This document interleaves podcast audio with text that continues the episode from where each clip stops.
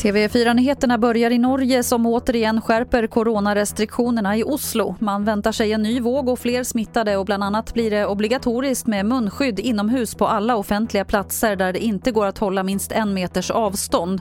Och maxantalet på arrangemang inomhus sänks från 50 till 20 personer. Den kropp som hittades i vattnet vid Gärdska stranden i Allingsås i morse har identifierats. Det är en 26-årig man som varit anmäld försvunnen sedan några veckor tillbaka och polisen misstänkt att han blivit kidnappad. Stefan Gustafsson som är presstalesperson på polisen säger att man inte vet än hur mannen dött. Nej, det vet vi inte och det är det som gör att vi eh, ändrat rubriceringen på ärendet från eh, eh olaga frihetsberövande och människorov till eh, mord alternativt dråp. Och eh, nu är det bara att avvakta den rättsmedicinska undersökningen för att se vad dödsorsaken är. Och mer om det här finns på tv4play.se.